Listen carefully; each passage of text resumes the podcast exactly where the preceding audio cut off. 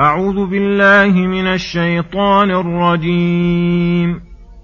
وإذ قال إبراهيم رب اجعل هذا بلدا آمنا وارزق أهله من الثمرات من آمن منهم من آمن منهم بالله واليوم الآخر ۖ. قال ومن كفر فأمتعه قليلا ثم أضطره إلى عذاب النار وبئس المصير.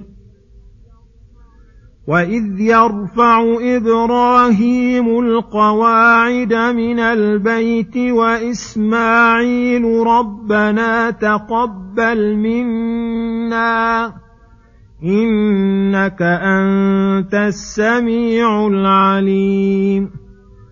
ربنا واجعلنا مسلمين لك ومن ذريتنا أمة مسلمة لك وأرنا مناسكنا وتب علينا. وتب علينا إنك أنت التواب الرحيم ربنا وابعث فيهم رسولا منهم يتلو عليهم اياتك ويعلمهم الكتاب والحكمه ويزكيهم إنك أنت العزيز الحكيم. ومن يرغب عن ملة إبراهيم إلا من سفه نفسه ولقد اصطفيناه في الدنيا وإنه في الآخرة لمن الصالحين. إذ قال له ربه أسلم قال أسلمت لرب العالمين.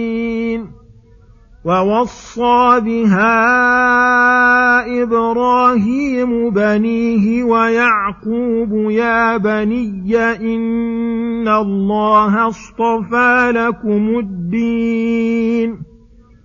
إن الله اصطفى لكم الدين فلا تموتن إلا وأنتم مسلمون أم كنتم شهداء إذ حضر يعقوب الموت إذ قال لبنيه ما تعبدون من بعدي قالوا نعبد إلهك وإله آبائك إبراهيم وإسماعيل وإسحاق إلها واحدا ونحن له مسلمون. تلك أمة قد خلت لها ما كسبت ولكم ما كسبتم ولا تسالون عما كانوا يعملون بسم الله الرحمن الرحيم السلام عليكم ورحمه الله وبركاته يقول الله سبحانه إذ قال إبراهيم رب اجعل هذا بلدا آمنا وارزق أهله من الثمرات من آمن منهم بالله واليوم الآخر. الآيات. أي وإذ دعا إبراهيم لهذا البيت أن يجعله الله بلدا آمنا ويرزق أهله من أنواع الثمرات. ثم قيد عليه السلام هذا الدعاء للمؤمنين تأدبا مع الله إذ كان دعاؤه الأول فيه الإطلاق. فجاء الجواب فيه مقيدا بغير الظالم. فلما دعا لهم برزق وقيده بالمؤمن وكان رزق الله شاملا للمؤمن والكافر والعاصي والطائع. قال تعالى ومن كفر أي أرزقهم كلهم مسلمهم وكافرهم. أما المسلم فيستعين بالرزق على عبادة الله ثم ينتقل منه إلى نعيم الجنة. وأما الكافر فيتمتع فيها قليلا ثم أضطره أي ألجئه وأخرجه مكرها إلى عذاب النار وبئس المصير. ثم يقول سبحانه وإذ يرفع إبراهيم القواعد من البيت وإسماعيل الآيات.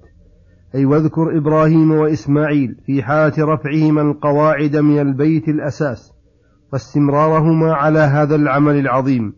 وكيف كانت حالهما من الخوف والرجاء حتى إنهما مع هذا العمل دعوا الله أن يتقبل منهما عملهما حتى يجعل فيه النفع, النفع العميم ودعوا لأنفسهما وذريتهما بالإسلام الذي حقيقته خضوع القلب وانقياده لربه المتضمن لانقياد الجوارح. وأرنا مناسكنا أي علمناها على وجه الإرادة والمشاهدة ليكون أبلغ يحتمل أن يكون المراد بالمناسك أعمال الحج كلها. كما يدل عليه السياق والمقام ويحتمل أن يكون المراد ما هو أعظم من ذلك وهو الدين كله والعبادات كلها كما يدل عليه عموم اللفظ لأن النسك التعبد ولكن غلب على متعبدات الحج تغليبا عرفيا. فيكون حاصل دعائه ما يرجع إلى التوفيق للعلم النافع والعمل الصالح. ولما كان العبد مهما كان لا بد أن يعتريه التقصير ويحتاج إلى التوبة قال وتب علينا إنك أنت التواب الرحيم. ربنا وابعث فيهم أي في ذريتنا رسولا منهم ليكون أرفع لدرجتهما ولينقادوا له وليعرفوه حقيقة المعرفة. يتلو عليهم آياتك لفظا وحفظا وتحفيظا ويعلمهم الكتاب والحكمة. معنى ويزكيهم بالتربية على الأعمال الصالحة والتبري من الأعمال الردية التي لا تزكو النفس معها. إنك أنت العزيز أي القاهر لكل شيء الذي لا يمتنع على قوته شيء الحكيم الذي يضع الأشياء مواضعها. فبعزتك وحكمتك ابعث فيهم هذا الرسول فاستجاب الله لهما. فبعث الله هذا الرسول الكريم الذي رحم الله به ذريتهما خاصة وسائر الخلق عامة. ولهذا قال عليه الصلاة والسلام أنا دعوة أبي إبراهيم. ولما عظم الله إبراهيم هذا التعظيم أخبر عن صفاته الكاملة قال تعالى ومن يرغب عن ملة إبراهيم إلا من سفه نفسه ولقد اصطفيناه في الدنيا وإنه في الآخرة لمن الصالحين إذ قال له ربه أسلم قال أسلمت لرب العالمين. ووصى بها إبراهيم بنيه ويعقوب يا بني إن الله اصطفى لكم الدين فلا تموتن إلا وأنتم مسلمون أم كنتم شهداء إذ حضر يعقوب الموت إذ قال لبنيه ما تعبدون من بعدي؟ قالوا نعبد إلهك وإله آبائك إبراهيم وإسماعيل وإسحاق إلها واحدا ونحن له مسلمون. تلك أمة قد خلت لها ما كسبت ولكم ما كسبتم. ولا تسألون عما كانوا يعملون. أي ما يرغب عن ملة إبراهيم بعدما عرف من فضله إلا من سفه نفسه أي جهلها وامتهنها ورضي لها بالدون وباعها بصفقة المغبون كما أنه لا أرشد وأكمل ممن رغب في ملة إبراهيم. ثم أخبر عن حالته في الدنيا والآخرة فقال ولقد اصطفيناه في الدنيا أي اخترناه ووفقناه للأعمال التي صار بها من المصطفين الأخيار وإنه في الآخرة لمن الصالحين الذين لهم أعلى الدرجات إذ قال له ربه أسلم قال امتثالا لربه أسلمت لرب العالمين إخلاصا وتوحيدا ومحبة وإنابة فكان التوحيد لله نعته ثم ورثه في ذريته ووصاهم به وجعلها كلمة باقية في عقبه وتوارثت فيهم حتى وصلت ليعقوب فوصى بها بنيه. فأنتم يا بني يعقوب قد وصاكم أبوكم بالخصوص فيجب عليكم كمال الانقياد واتباع خاتم الأنبياء. قال يا بني إن الله اصطفى لكم الدين اختاره وتخيره لكم رحمة بكم وإحسان إليكم. فقوموا به واتصفوا بشرائعه وانصبغوا بأخلاقه حتى تستمروا على ذلك فلا يأتيكم الموت إلا وأنتم عليه لأن من عاش على شيء مات عليه ومن مات على شيء بعث عليه. ولما كان اليهود يزعمون أنهم على ملة إبراهيم ومن بعده يعقوب قال تعالى منكرا عليهم أم كنتم شهداء أي حضورا إذ حضر يعقوب الموت أي مقدماته وأسبابه. فقال لبنيه على وجه اختبار ولتقر عينه في حياتي بامتثالهم ما وصاهم به ما تعبدون من بعدي؟ فأجابوه بما قرت به عينه فقالوا نعبد إلهك وإله آبائك إبراهيم وإسماعيل وإسحاق إلها واحدا فلا نشرك به شيئا ولا نعدل به ونحن له مسلمون فجمعوا بين التوحيد والعمل ومن المعلوم أنهم لم يحضروا يعقوب لأنهم لم يوجدوا بعد. فإذا لم يحضروا فقد أخبر الله عنه أنه وصى بنيه بالحنيفية لا باليهودية. ثم قال تعالى تلك أمة قد خلت أي مضت لها ما كسبت ولكم ما كسبتم أي كل له عمله وكل سيجازى بما فعله. لا يؤخذ أحد بذنب أحد ولا ينفع أحدا إلا إيمانه وتقواه.